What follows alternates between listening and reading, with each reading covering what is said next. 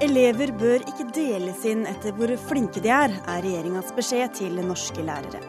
Ikke gjør som Kunnskapsdepartementet sier, oppfordrer Høyre. SV vil fri til unge velgere gjennom strippeforbud og skjenkestans klokka to. Ungdommen vinnes ikke med pekefingerpolitikk, advarer Venstre. Erik Solheim hyller Kina i den nye boka si. Han opptrer som diktaturets løpegutt, mener Terje Svabø. Og Innovasjon Norge har gitt over en milliard kroner til prosjekter som har endt i konkurs. Nå krever Fremskrittspartiet svar fra Trond Giske.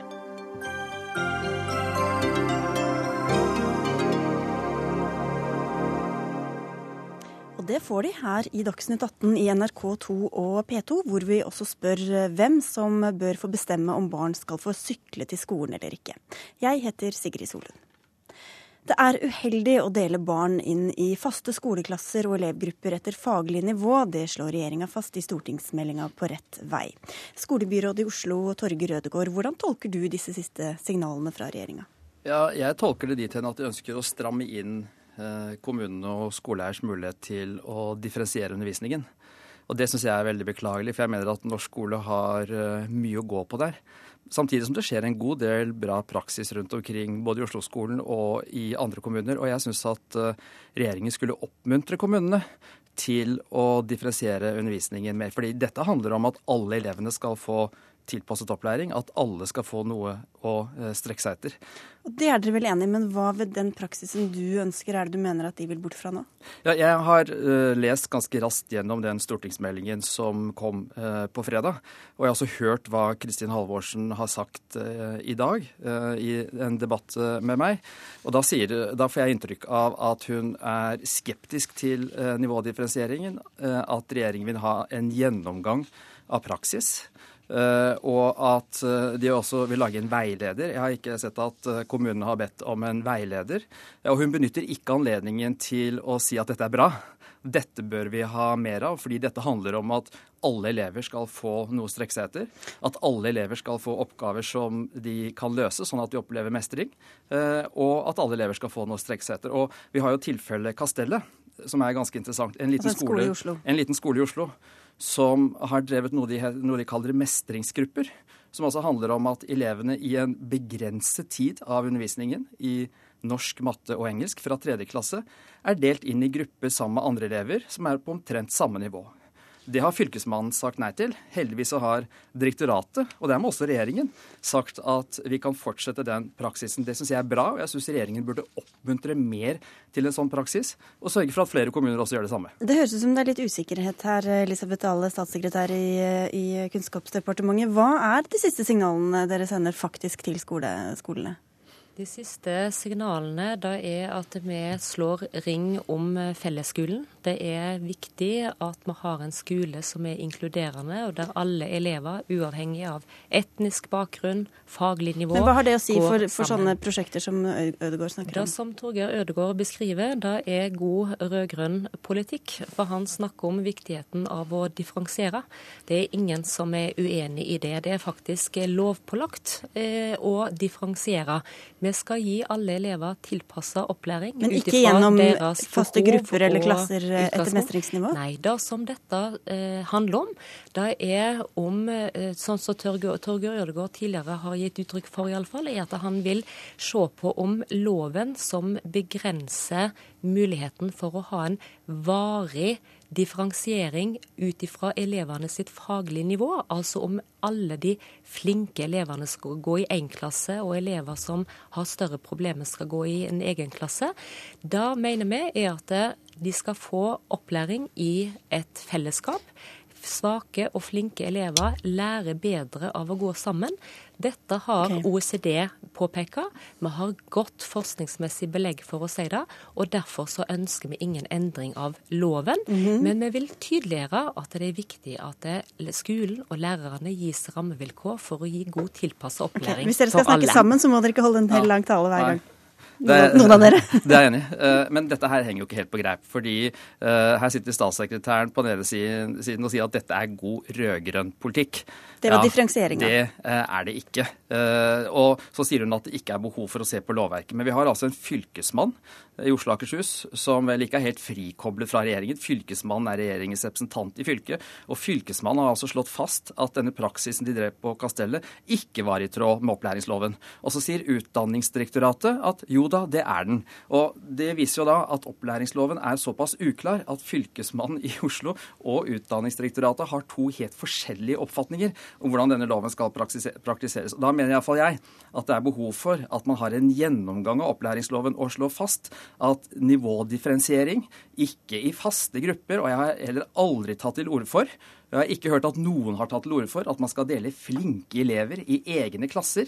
At man skal ha en permanent inndeling av elever. Ok, men er spørsmålet da, Hvor varig dette er? Om de mener at man gjør det i to måneder, eller du mener et halvt år? Eller hvor er det egentlig forskjellene går? Ja, Det er jo interessant å spørre regjeringen om. Jeg mener at vi har behov for å klargjøre opplæringsloven sånn at det blir klart for Fylkesmannen og for alle som måtte være i tvil, at det å dele elever inn i grupper i deler av undervisningen, ikke permanent, men i deler av undervisningen, det er en differensiering som alle bør stille seg bak. Og mitt poeng er bare at kunnskapsministeren kunne vært ute i dag og oppmuntret denne praksisen.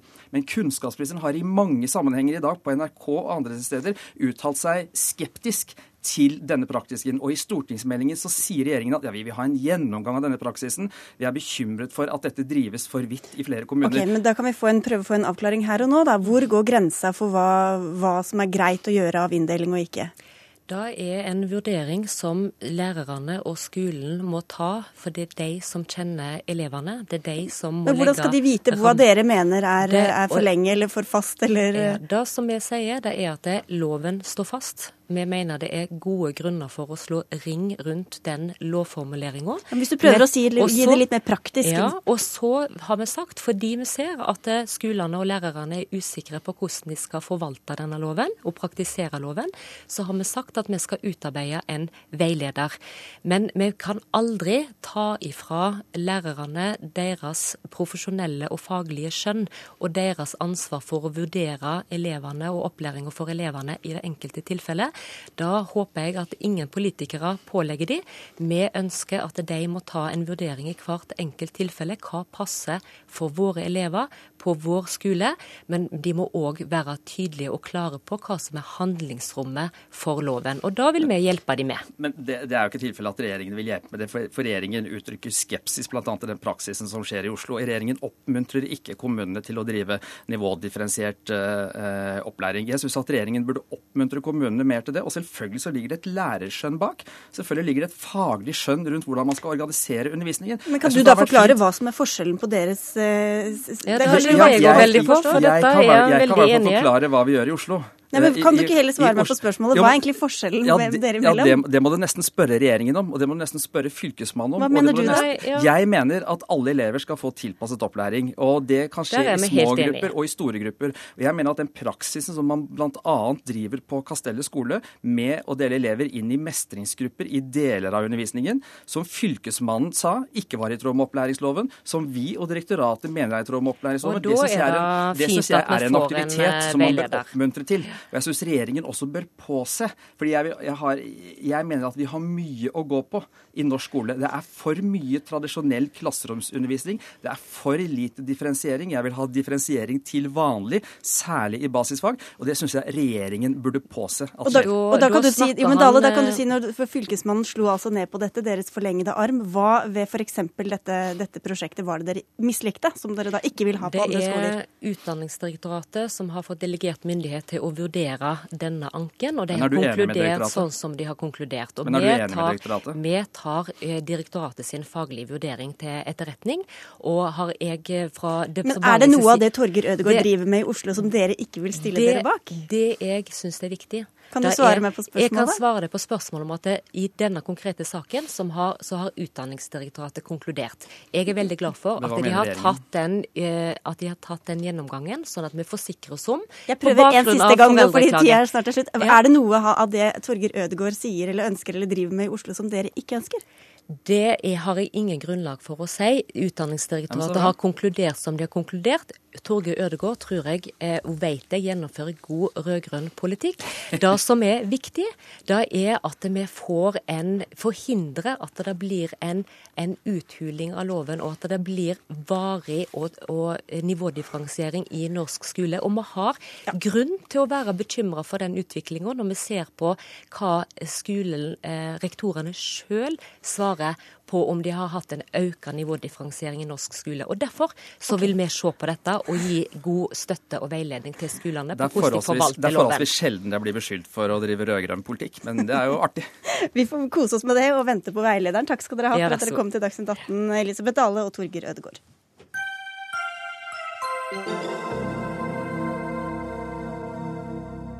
Erik Solheim skryter av Kina i den nye boka si. For landets økonomiske vekst, pragmatisme og åpenhet. Beskrivelsen av Solheims beskrivelser eh, var derimot ikke så rosende i et innlegg i Aftenposten.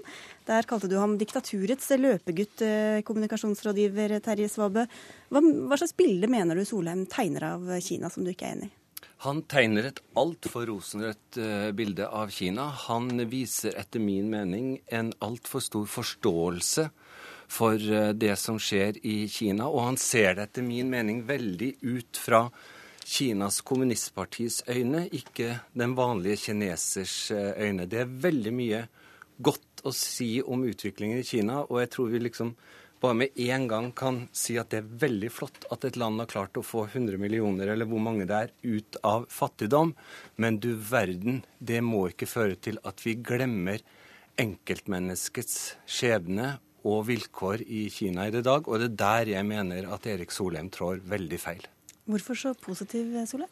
Jeg har jo skrevet en bok om de kolossale, dramatiske endringene i verden, som verden nå går gjennom, og som Norge må forstå hvis vi skal kunne forholde oss til den nye verden. EU og USA og India og mange andre. Men det er klart den suverent viktigste endring i verden de siste par tiårene er Kinas oppstigning. Kina var det var riktignok et folkerikt land, men det var et perifert land i verdenspolitikken inntil ganske nylig. Hvor du enn kommer nå, i Latin-Amerika, Afrika, Europa, er Kina det hovedtemaet. Kinas økonomi, politikk eh, påvirker oss alle. Og da må vi forstå det. Og jeg tror vi faktisk er nødt til å ha en positiv grunntone overfor Kina hvis vi virkelig skal forstå det. Men hva er du villig til å se mellom fingrene med å, når du tegner et positivt bilde av Kina? Ingenting. Selvfølgelig, selvfølgelig, skal vi ta opp det som er kritikkverdig i Kina, men vi må bare få hovedbildet riktig. Og Hovedbildet er at minst 500 millioner mennesker er kommet ut av ekstrem fattigdom bare eh, de siste par tiårene, og at Kina har enorm framgang på alle økonomiske og sosiale dimensjoner. Også når det gjelder demokrati og menneskerettigheter, er situasjonen i Kina mye bedre enn hva den var. Den er meget langt fra perfekt. Og vi, Terje Svabe blir ganske sikkert ganske fort enige om hva som er kritikkverdig. Men hvorfor har du ikke skrevet mer om det i boka? da? Jeg har skrevet om det også. Eh, hvis du vil ha tid og krefter, skal jeg gjerne, gjerne lese opp det. Men selvfølgelig har jeg tatt opp det. Forurensningsproblemene, eh, mangelen på demokrati, kanskje det største problemet i Kina. At den kinesiske toppledelsen ikke virkelig er ansvarlig overfor innbyggerne i Kina.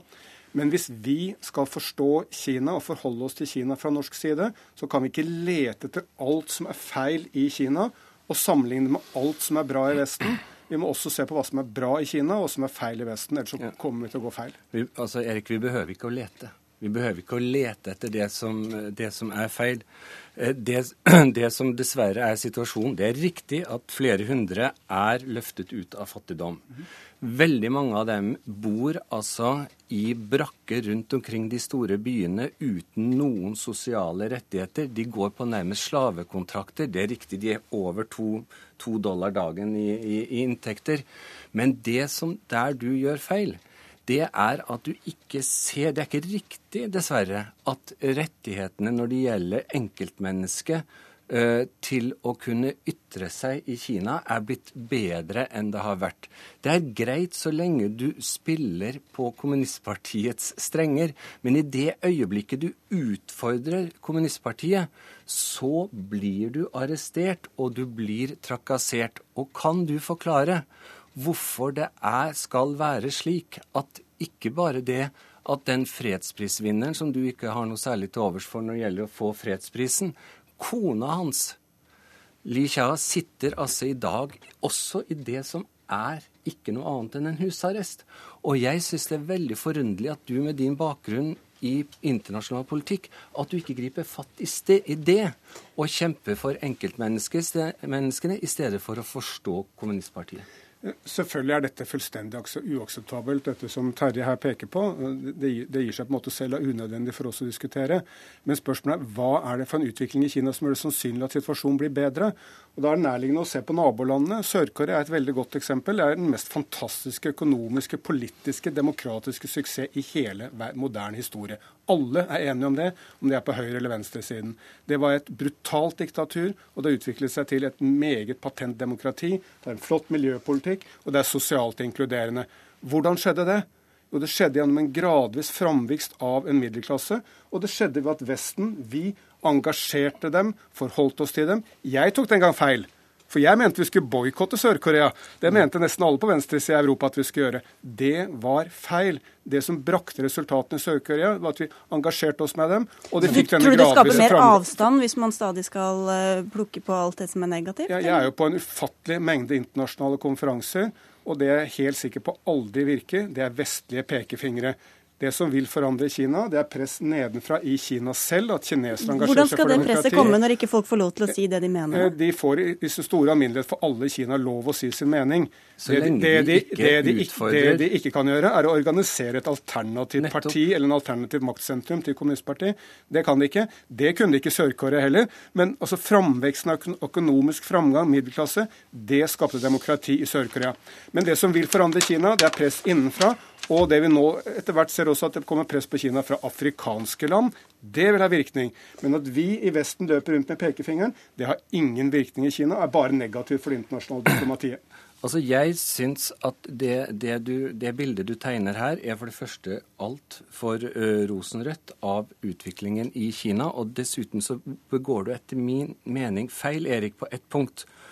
Og der vil, skulle jeg ønske at du hadde lytta til Espen Barth Eide, som du jo kjenner veldig godt. Han sa på Amnestys landsmøte 2.3, jeg skal bare sitere én setning, at man først må etablere økonomiske og sosiale rettigheter før man får sivile og politiske rettigheter, mener jeg er en konstruert motsetning.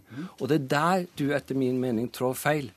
I iveren etter å forstå eh, hva som nå eh, ser i Kina, så ser du mellom fingrene med de menneskerettighetsbrudd som begås, i stedet for at du reiser deg Men må man si, altså hver gang man skal si noe, så må man også si alt det andre? på ja, man en måte? Man kan ikke glemme de tusener som arresteres i Kina i dag fordi at de sier sin mening. Hvis vi forstår oss i hjel, så er det klart at det er det kommunistpartiet ønsker. Og jeg også, eh, eh, har også vært i flere ganger i, i Sør-Korea og hatt gleden av å besøke Kim Da-jung. Og jeg vet, han som senere ble president, da han satt i husarrest, og jeg vet hva det betydde for han at vi fra Vesten hevet en pekefinger. Og derfor så skal vi, Erik, fortsette å heve pekefingeren overfor Kinas kommunistiske parti.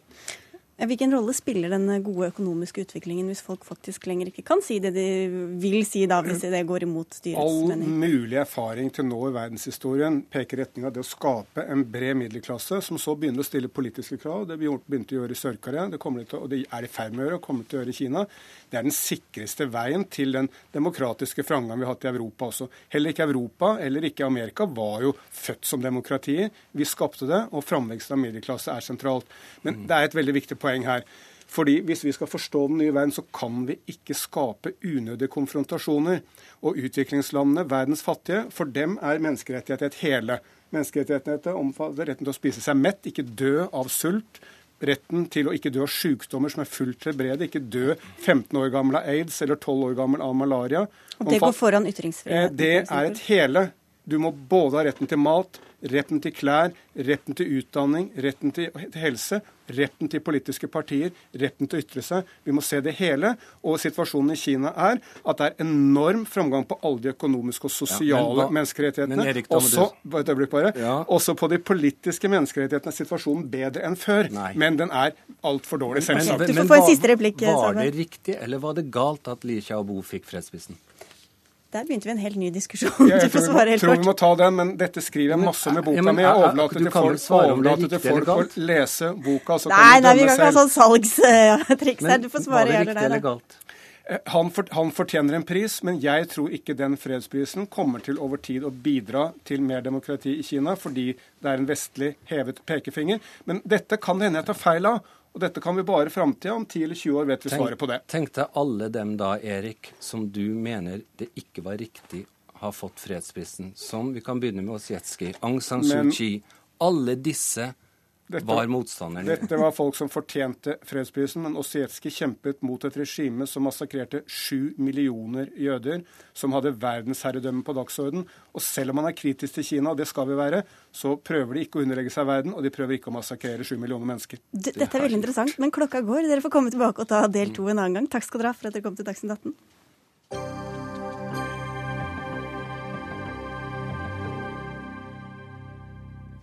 Etter mer enn 40 dager med vanskelige forhandlinger annonserte Israels statsminister Benjamin Netanyahu på lørdag at partiene er blitt enige om en regjeringskoalisjon. I dag ble den nye regjeringa tatt til ed, og utenriksmedarbeider her i NRK Sissel Wold, hvor samlet og enige står de nå etter disse lange forhandlingene? Ja, ikke veldig samlet. Og en israelsk kommentator skriver at dette er Benjamin Netanyahus mareritt. At han har prøvd i det lengste å unngå å få en koalisjon av fire partier som er så forskjellige. Men de har drevet og forhandlet og forhandlet, så noe har de blitt enige om. Hvem gikk seirende ut av regjeringsforhandlingene? Eh, rett og slett den israelske middelklassen. Det er deres partier som nå har kommet i maktposisjon. Det er denne Yesh Atid, eh, dette partiet, eh, som er ledet av Yair Lapid. Og Yair Lapid er en veldig berømt, kjent israelsk TV-stjerne. Hvis du slår sammen Fredrik Skavlan og Viggo Johansen. Dyktig fjernsynspersonlighet. Og han hadde som valgkamptema 'Hvor er penga?' Nå er han blitt finansminister. Han har aldri ledet noe slags, eh, som helst slags eh, finansarbeid, så det blir veldig veldig spennende. Den andre vinneren det er Naftali Bennett, som leder dette Habeit Hayahode, jødisk hjem-partiet. Det er et parti av settlere, men ikke for bosettere. De er for sosialpolitikk. Så begge disse partiene er for å løse Israels sosiale problemer, fordi at forskjellen mellom fattig og rik er blitt veldig stor de siste årene. Det har vært store demonstrasjoner. Folk har ikke råd til å leie hus, kjøpe hus. Veldig, veldig eh, vanskelig å leve i Israel nå for mange familier. Og også maten er blitt dyrere. Så det er det som står på agendaen nå. og bygge boliger også. Og hvem var det som ikke eh, kunne si seg så fornøyd etter de forhandlingene de har vært gjennom, da? Ja, bortsett fra Benjamin Netanyahu har fått en skikkelig en på tygga, så er det de ultraortodokse. De har sittet i regjeringsposisjon veldig lenge. Eh, også fordi de har vært en lett partner. For at hvis de får penger til barnebidrag og religiøse skoler, så går de med på det meste annet. Sånn har det vært.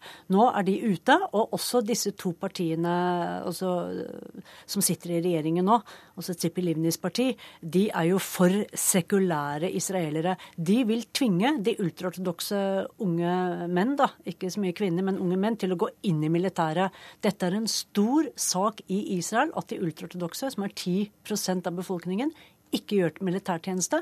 Nå skal de inn, og de skal også inn mer på arbeidsmarkedet, fordi at mange av dem lever på sosialen. De er fattige og har mange barn, men nå skal de få begynne å jobbe.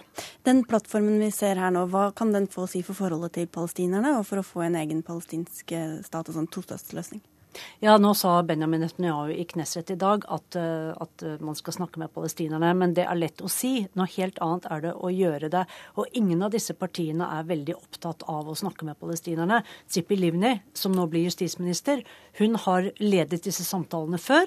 Eh, hun skal fortsette å jobbe med det, men det er ikke veldig mye å jobbe med. fordi at israelere flest de tenker at hvorfor skal vi gå inn i opprivende eh, fredsforhandlinger hvor man skal snakke om å dele Jerusalem, hvor mange bosettere som skal tvangsflyttes, når palestinerne holder seg i ro.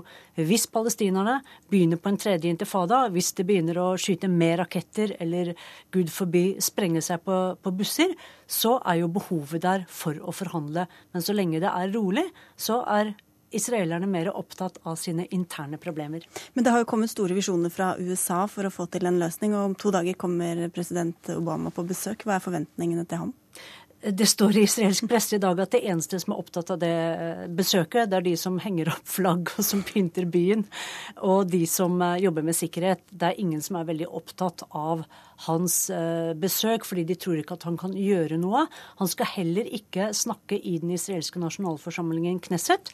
Sist Netanyahu var i Washington, så snakket han i Kongressen. Det blir ikke det samme nå. Obama skal snakke for studenter i et stort kongressenter. Takk skal du ha, Sissel Wold. Vi følger med på onsdag. Takk for at du kom til Dagsnytt 18. Hør Dagsnytt 18 når du vil, på nettradio eller som podkast. nrk.no – dagsnytt 18.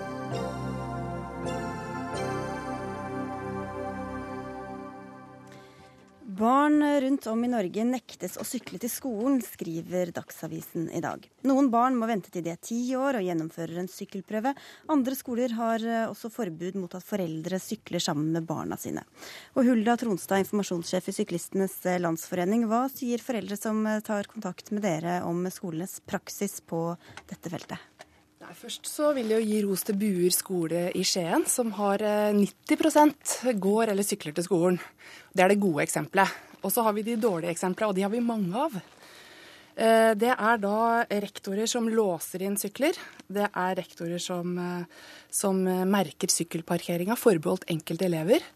Og det er eh, skoler som nekter foreldre å sykle sammen med barna sine til skolen. Det skjedde bl.a. med deg, Cecilie Kvamsvåg. Hva, hva opplevde du da? Det var når barnet gikk i første klasse. Vi kom jo fra en idrettsbarnehage og var vant til å sykle til skolen og på, eller i barnehagen og til barnehagen. Men fikk ikke lov til å gjøre det sammen med barna våre. At det måtte vente med til gikk i femte klasse. Hvordan reagerte dere på det? Nei, jeg syns jo det er stusslig når barna syns det er gøy å være i fysisk aktivitet, og jeg sykler eh, etter jeg har levert barna. At jeg må trille sykkel og barnet må gå ved siden av.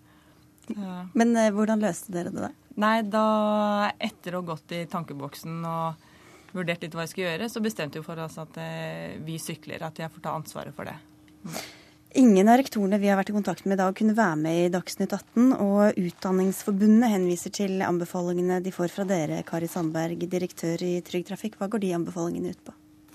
Ja, Den kunnskapen vi har, sier at barn under 10-12 år har ikke fullt ut motoriske ferdigheter til å sykle alene i blandet trafikk.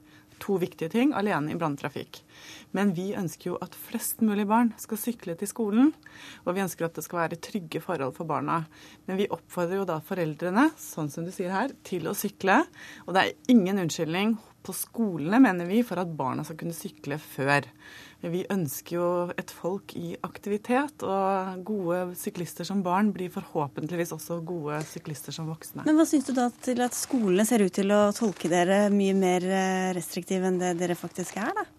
Ja, Det er jo vanskelig å vite hva de legger i den tolkningen, men det er veldig klart på våre nettsider at vi anbefaler som sagt dette i forhold til alenesykling og blandet trafikk er det en trygg skolevei, hvor barna ikke må ha mange vanskelige krysningspunkter og ta mange raske avgjørelser i trafikken. Dette er jo et kjøretøy, og barnet skal vise tegn, du skal kunne trafikkregler. Altså du må ha opplæring og erfaring i det å sykle. Og det tror jeg er veldig fint at vi får gode vaner tidlig inn, også når de skal begynne øvelseskjøre på moped og bil, som kommer ganske fort etterpå. Så, så her eh, tror jeg at både foreldrene og skolen må ha en samtale om hvordan de ønsker sykling ved sin skole. Og hvis de vurderer det som trygt, som det er gjort her, og når foreldrene sykler med barna, så er det jo ingenting i veien for dette. Tvert imot. Sykle. Men, men dere etterlyser også svar fra en uh, tredje eller fjerde part, blir det vel, Tronstad, fra Syklistenes uh, Landsforening. Hva, hva, ønsker du fra regjeringshold? Ja, Vi ønsker jo en avklaring fra departementets side. Eh, hvilken hjemmel rektorene faktisk har til å nekte foreldre å sykle med barna sine til til skolen. Vi har en rekke problemstillinger som vi ønsker belyst, fordi at det er, så, det er så mange ulike ting som svirrer i lufta. Vi vil ha det helt på det rene om vi kan eller om vi ikke kan. Og vi, vil, vi ønsker jo ikke eller Vi ønsker først og fremst at vi har rektorer som oppmuntrer til å sykle til skolen, og ikke det motsatte. Og da, store orakel statssekretær Elisabeth Dale, hva er regelverket på dette punktet? Regelverket på dette er at gjennom eh, opplæringsloven så skal skolene ha en ulykkesforsikring for elevene sine. Det innbefatter òg da skolevei. Så, så, det er skolenes ansvar, det som skjer på skoleveien? Det er det. Og samtidig så er det òg gjennom opplæringsloven så er kommunene som skoleeier gitt mulighet til å utarbeide egne forskrifter for, for et ordensre, å ha et ordensreglement. Eh, og i det ordensreglementet så er det òg åpning for å eh, legge inn eh, forebyggende regler for å forebygge uheldige situasjoner. F.eks. kan det innbefatte bruk av sykkel, rulleskøyter osv. Men det er altså kommunen og skolen, rektor på den enkelte skole, som, eh, som har myndighet til å eh, utarbeide et sånt ordensreglement.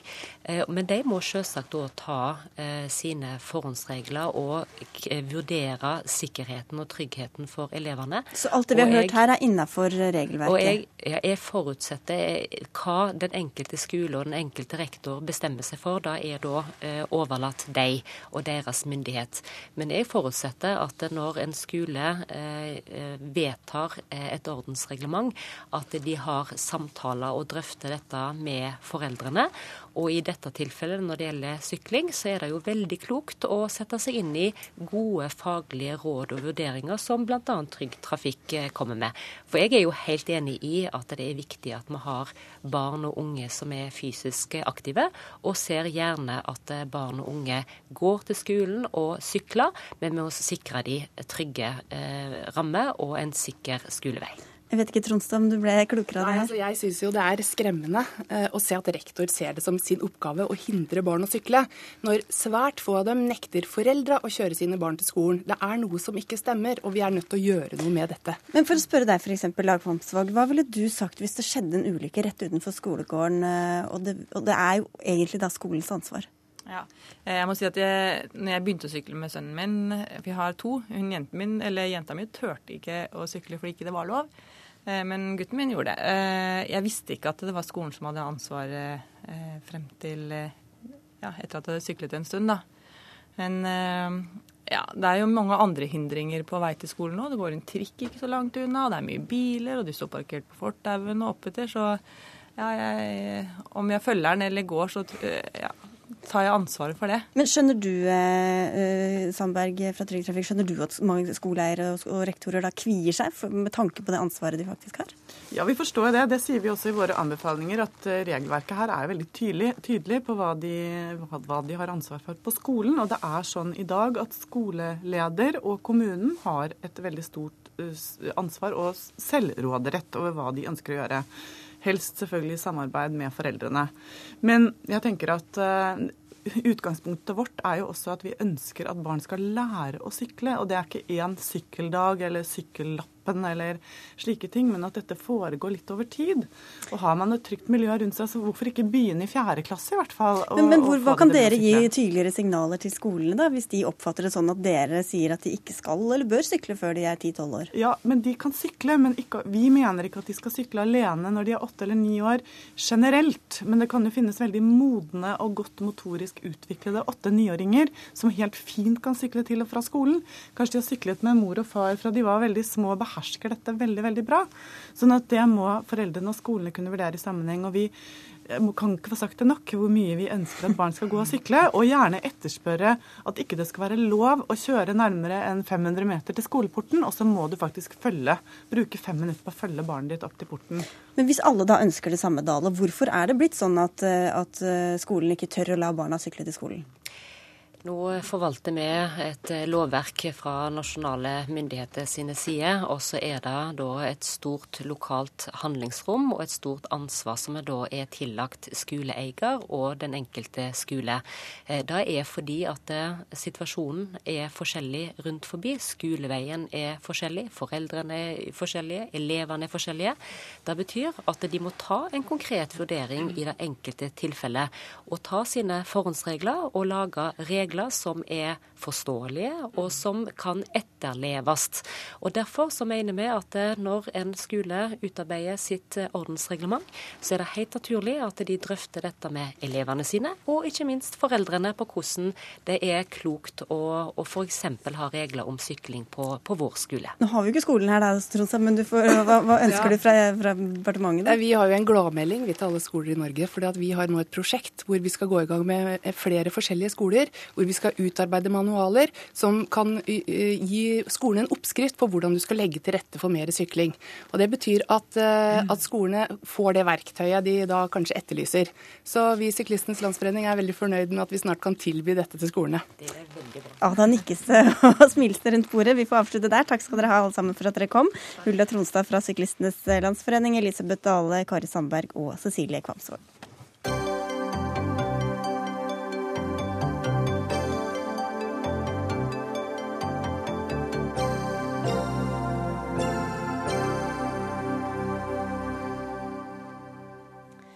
SV har mistet mange av de unge velgerne, og nøkkelen til valgsuksess er å få dem tilbake, skal vi tro SV-leder Audun Lysbakken. Men på landsmøtet i helga gikk partiet inn for å forby stripping og også alkoholservering etter klokka to om natta. Guri Melby, leder av Venstres programkomité, hvor godt tror du denne politikken treffer ungdommen?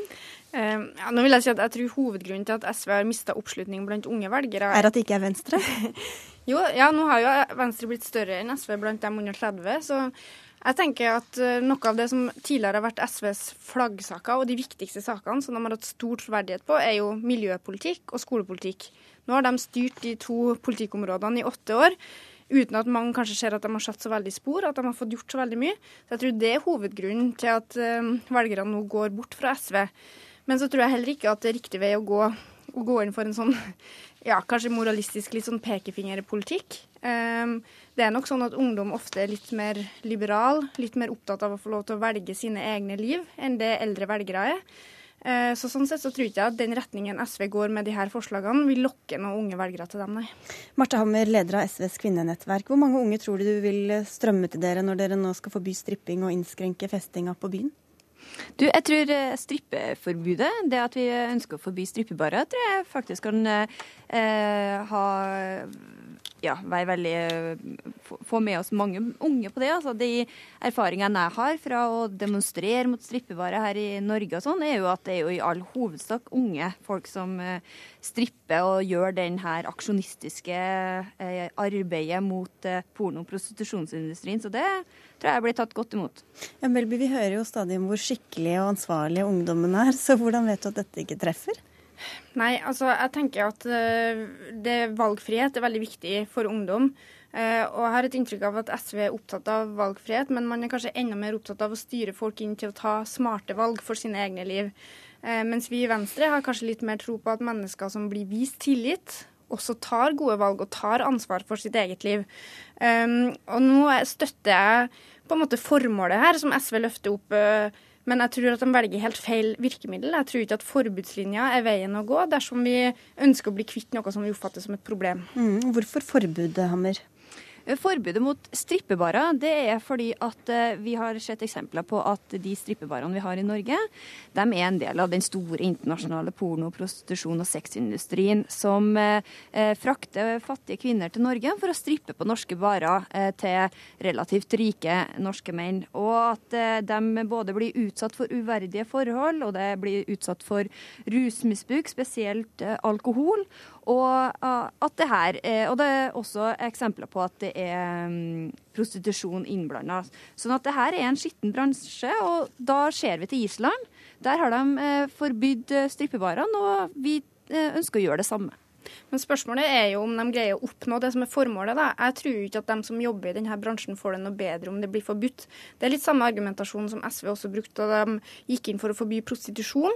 Dette skulle være for kvinnens beste, for å unngå at de skulle havne i den situasjonen. Men vi har jo ikke fått noe færre prostituerte. Det som er situasjonen, er jo at de går under jorda, ikke tør å oppsøke politiet og den type ting. Så, så jeg tror at ting blir bare verre for i forhold til den saken de eh, syns er viktig. Eh, og samtidig så mener jeg at det er en sånn type moralisme i denne måten å tenke politikk på som, eh, som jeg mener at eh, kan skremme bort unge velgere. Og jeg tenker at det å blande oss så veldig inn i sånne småsaker uh, syns jeg Som gjør menneskehandel og Nei, men i hva slags type barer folk vil gå på, eller at Stortinget skal sitte og bestemme hvor man skal ha skjenkestopp når det skal skje over hele landet, så mener jeg at vi bidrar til å øke en politikerforakt. Jeg tenker at en del valg må vi overlate til folk sjøl, og så kan vi ta oss av de store tingene, sånn som å løse klimakrisen eller å få flere gode lærere i skolen. Ja, Hammer?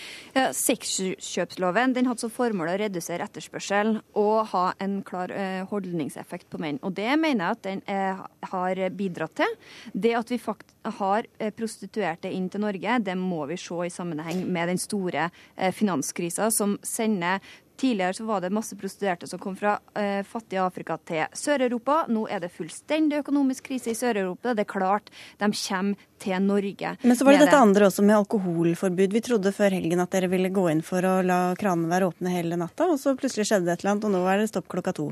Ja, så nå mener man at det, og Spørsmålet i komiteen eller i SV har jo vært om det her skal være ting som kommunestyret skal vedta, eller om det her skal være ting som man vedtar eh, på nasjonalt nivå.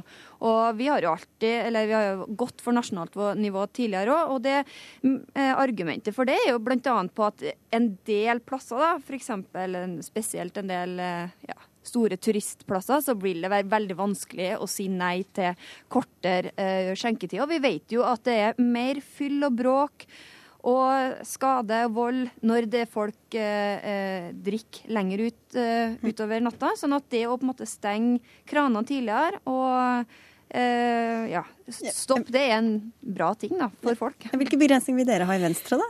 Altså, det er jo ikke noe nytt at SV får sentralstyring og ikke har så veldig mye tillit til lokalpolitikere. Jeg Eh, jeg mener at dette er noe som Stortinget bør overlate kommunestyrene rundt omkring. Det betyr at i noen kommuner kan det bli lengre åpent enn i dag, mens andre kommuner kanskje ønsker å stramme inn. Og det tror jeg er fordi at jeg er fra Orkdalen f.eks., og utfordringene knyttet til alkohol er helt annerledes der enn i Oslo. Det er færre utesteder, det er helt andre typer problematikk. Eh, og det syns jeg lokalpolitikerne skal få lov til å bestemme.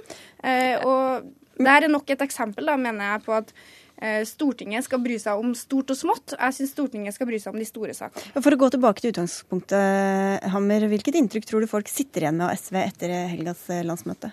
Jeg tror det er et eh, inntrykk av et parti som er på offensiven, som ønsker å Styre og bestemme og peke?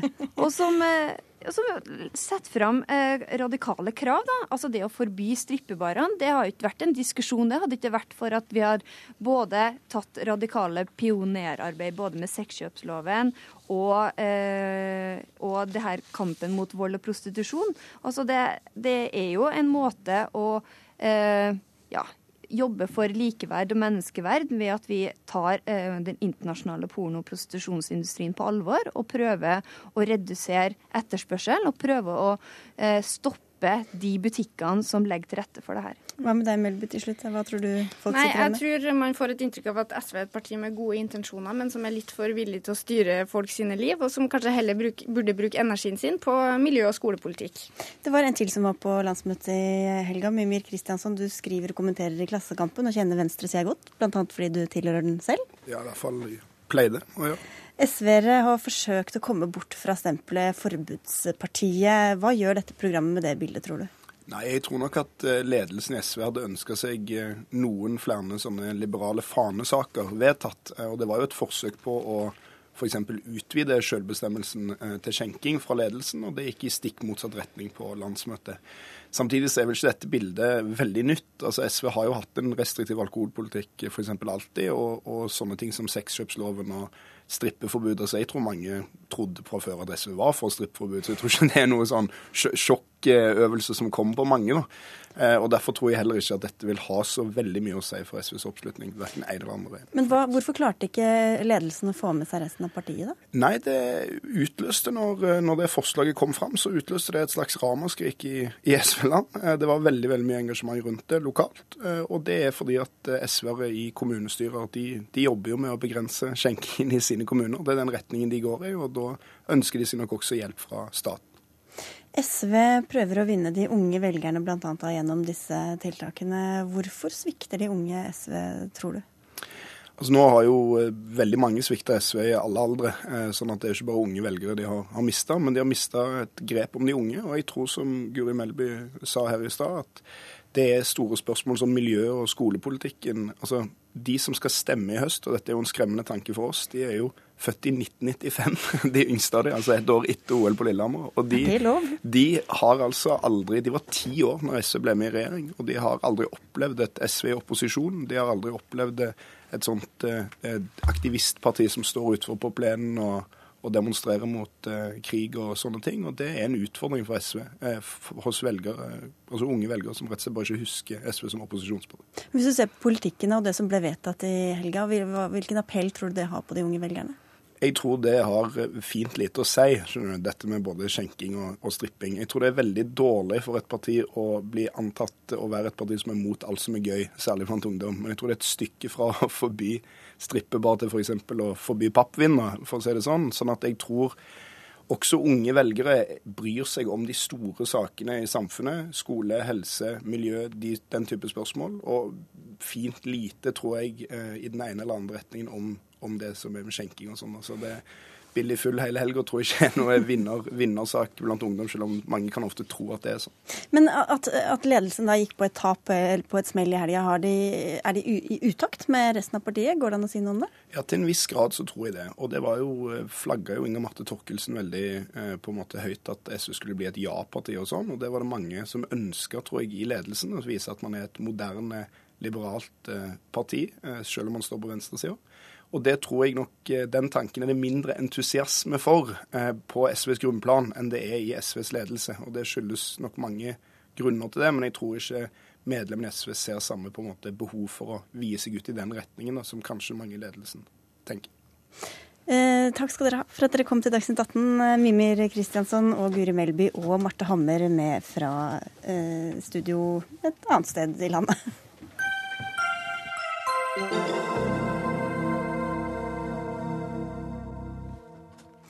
Siden 2005 har Innovasjon Norge gitt minst 1 milliard kroner til aksjeselskaper som ikke viste seg å ha livets rett. Det skriver E24 i dag. Ifølge Nettavisa har 19% av prosjektene som har mottatt støtte, gått under, mens Innovasjon Norges eget tall er snaut 4 Og hva er riktig, administrerende direktør i Innovasjon Norge, Gunn Ovesen? Det er to forskjellige måter å regne på. Eh, så E24 har rett i at av totalpopulasjonen så har Eh, fire av fem eh, klart seg etter fem år. Hvorfor har dere ikke oversikt over eh, hvor mange som går konkurs og dukker under av de selskapene dere gir penger til? Vi har full konkurs. Daglig får vi en oversikt fra Brønnøysundregisteret over hvem som har gått konkurs, har opphørt og sånt. Så sorterer vi det mot vårt register. Så får kundebehandlere beskjed, og juridisk. Og det betyr at vi da kan stoppe utbetalinger av tilskudd. For vi betaler aldri ut penger før prosjektene er gjennomført og dokumentert. Så det betyr at hvis bedriftene har gått konkurs før eh, det er gjennomført, så bør det ikke utbetaling fra oss. Har vi gitt et lån og det er gått konkurs, så setter vi jo i gang en konkursbehandling for å se hva vi skal gjøre.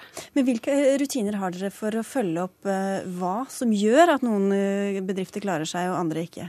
Vi har vært opptatt av å se hva er det som gjør at bedrifter klarer seg.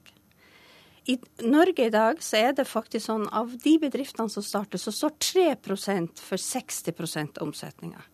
Vi er opptatt av å se hvordan skal vi øke de 3 sånn at vi kanskje kan doble omsetning og få flere bedrifter som vokser. Problemet i Norge er at vi har mange små bedrifter. Men når du er liten, så er det begrensa hvor mye innovasjon du kan gjøre. Jo flere bedrifter vi klarer å få som vokser og blir stor, jo bedre er det for verdiskapninga i Norge. Men uh, hvordan, eh, hvordan, hva har det å si for hvilke bedrifter og hvilke prosjekter dere senere vil gå for, når dere da ser på hvilke kriterier som gjør at noen klarer seg og ikke? Jeg vil si at Noe av det viktigste det er at bedriftene tenker marked og kunder. Det er noe av det vi ser som har mest å si. Ikke det at du har en god idé, men at det er noen som er villig å betale for den og gjøre det. Så er gründeren har mye å si. For det å starte bedrift, hvis du spør gründere, det er ingen sprint, det er en maraton. Du må ha utholdenhet, du må tro på ideen. Og du må tenke forretningsmessig tvers igjennom. Og hvis du virkelig skal bli stor, så må du jo tenke utafor Norge. Vi er fem millioner mennesker. Greit nok, vi er rike. Men hvis du virkelig skal bli stor, så må du hente kundene dine utafor Norge. Men Hvordan forsvarer du overfor alle skattebetalerne at over en milliard av kronene deres er forsvunnet uh, ut i det store intet? Jeg vil si det sånn at det at fire av fem av de vi har gått inn i, har lyktes, eller lyktes og lever fortsatt etter fem år, det er veldig bra. Fordi at hvis vi kun går inn i de som klarer seg sjøl, da klarer vi ikke å få vekst. Og da er jo vi bare en privatbank. Stortinget bevilger oss penger for at vi skal kunne ta mer risiko. Og for å ta risiko, det betyr faktisk at noen ikke klarer seg. Og det er bra, for det betyr at noen har virkelig tort å ta risiko. og flere skal vi ha som gjør det. Ok, men, men at 20% ikke klarer seg, det er en risiko dere lever godt med? Den 20% lever jeg veldig godt med. Takk skal du ha, Gunn Ovesen fra Innovasjon Norge. Da må vi over til noen som er litt mer kritisk, og det er vel du, næringspolitisk talsperson i Fremskrittspartiet, Harald Tom Nesvik. Dette er veldig alvorlig for Innovasjon Norge, uttalte du tidligere i dag. Hvorfor det? Ja, fordi at det kan se ut som at man rett og slett ikke har den oversikten som eh, man bør ha for å kunne lære. Fordi at eh, Hvis ikke vi eh, både ser på hva som gikk galt, og, og i tillegg til å se på dem det går bra med, vel så, har, så klarer ikke vi å få den læringsfaktoren som vi er nødt til å ha inn i disse sakene her. Og Hvis man da ikke gjør den jobben grundig nok, så fortsetter vi bare i det samme sporet. Og da vil vi fortsette å ha en tapsrate på rundt 20% Men Er det for har, høyt, mener du? Ja, det, det, er for høyt eh, for et eh, sånt selskap. Fordi at Innovasjon Norge er ikke nødvendigvis et høyrisikoselskap. Fordi at Innovasjon Norge har mange roller. Det er alltid fra lavrisikolån og videre oppover. Og det er ikke bare på høyrisikofronten som Innovasjon Norge har tatt pengene sine. Men problemet er jo at vi får ikke den fulle og hele oversikten som vi faktisk har behov for. Og det forventer jeg at næringsministeren nå vil gi oss, slik at vi kan få gå, gå inn i disse tingene for å se og lære av det. At, eh, at flere vil gå konkurs, ja det vil det. Eh, det er de alle sånne tidligfaser i, i selskap, og det må vi akseptere. Men at man ikke sitter på den kunnskapen som man kan få inntrykk av, det er uakseptabelt. Jeg høres det, støn, det stønnes nede fra stortingsstudio. Det er vel deg, næringsminister Trond Giske. Hvor bekymra er du over de høye konkurstallene? Altså, det er jo et mål eh, at flest mulig bedrifter lykkes. Det er jo bl.a. derfor vi har fjerna revisjonsplikten for småbedrifter og satt ned kravet om eh, aksjekapital. Men eh, når vi skal hjelpe mange bedrifter til å vokse og bli store, så må vi tåle at noen mislykkes. Det å måle vår suksess ut ifra eh, at noen faktisk da går konkurs, det blir eh, veldig feilaktig. Det blir som å si at vi ikke skal satse på veldig mange skitalenter fordi at det er bare noen få som blir verdensmester.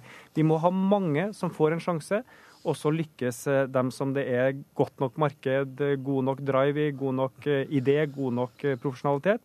Eh, men jeg tror ikke vi skal pålegge disse bedriftene flere rapporteringsrutiner, nye skjema, eh, eh, mer detaljert søknadsskjema, slik det kan høres ut som Frp nå ønsker. Ja, og programleder, det, Nå er jo aldeles næringsministeren ute på viddene. fordi at Dette dreier seg om de selskapene som ikke lenger eksisterer. Og hvis ikke at Innovasjon Norge, som er da det virkemidlet som ligger direkte inn under eh, næringsministeren, har en oversikt over hva som har gått galt, hvordan skattepengene sine penger blir brukt. Det er ikke næringsministeren sine penger, det er skattebetalerne sine penger, som da bevilges over statsbudsjettet til eh, avsetning til tap, bl.a. Og Da må jo vi eh, i hvert fall sørge for at vi klarer å se i de selskapene der det har gått galt. Det er ikke snakk om å innrapportere noe fra de selskapene som har gått galt, det er snakk om at Innovasjon Norge må gjøre jobben sin. og sørge for at vi kan få læring ut av dette her. Nå, Men Hun sier jo at de følger med og følger opp og holder på. Kan jeg få svaret svare på det? Altså, Hver enkelt konkurs og hver kunde lærer vi av. Den blir diskutert på kontorene. Hva kan vi gjøre annerledes ut av det? Det som vi sa, det er at vi har ikke summert opp i en statistikk. Innovasjon Norge har ikke følt at behovet vårt er å være god på statistikk. Det er å være god på enkeltkunder, hjelpe dem, ta læring ut av det og dra det videre. Det gjør vi. Vi diskuterer hva som har skjedd. Vi diskuterer når vi ser eh, trender, hva kan vi gjøre annerledes? Nettopp for å kunne få mer verdiskapning i Norge. Det er det vi er opptatt av. Og hvem skal investere i innovasjon og ta risiko, om ikke Innovasjon Norge, Nesvik? Jo, men altså, jeg sier jo det at det er naturlig at Innovasjon Norge har tap. Eh, det er jo derfor at Stortinget hvert eneste år avsetter til tap og fordringer hos Innovasjon Norge. Det er en del av statsbudsjettet knytta til Innovasjon Norge. Det vet vi alle sammen. Men mitt spørsmål som jeg stiller, og som også E24 har stilt, hvilke eh, verktøy har vi nettopp for å kunne lære av det som har gått galt? Eh, og Det er jo der som man da viser bl.a. til disse brukerundersøkelsene, der da disse selskapene som nettopp har gått konkurs, er jo selvfølgelig ikke en del av dette. Og da blir også suksessrata eh, som man oppgir fra Innovasjon Norge, blir da også feil hvis man ikke tar med disse. Det som er etterspørbare, det er mer konkret hvordan vi bruker dette. Hvordan registreres dette inne hos eh, eh, Innovasjon Norge? Hvordan får bevilgende myndigheter tilgang til disse tingene her? Nettopp for å se om vi bruker pengene riktig. At det skal være tap der, ja det skal det. Og det kommer det til å være i all fremtid. Hvis ikke så får ikke vi tilført kapital til den bedriften som har behov for det. Men vi må også kunne forvente at man, man lærer av de casene som også går dårlig. Okay, Iske. Ja, kan jeg bare si at uh, Riksrevisjonen undersøkte jo eh, Innovasjon Norges virksomhet der for noen år siden. og Stortings, uh, Stortingets næringskomité behandla Nei, kontroll- og konstitusjonskomiteen behandla også saken. Da var kritikken mot Innovasjon Norge at man ikke tok nok risiko. At man var for opptatt av bedriftsøkonomisk eh, lønnsomhet, og at man ikke eh, turte å satse nok på nyetableringer og mer radikale, innovative prosjekter. Så når Stortinget behandla det her sist, så var det jo den motsatte kritikken, at, at man rett og slett var for forsiktig det, vi skal ha systemer hvor vi lærer av dem som går konkurs, og har eh, oversikt på det.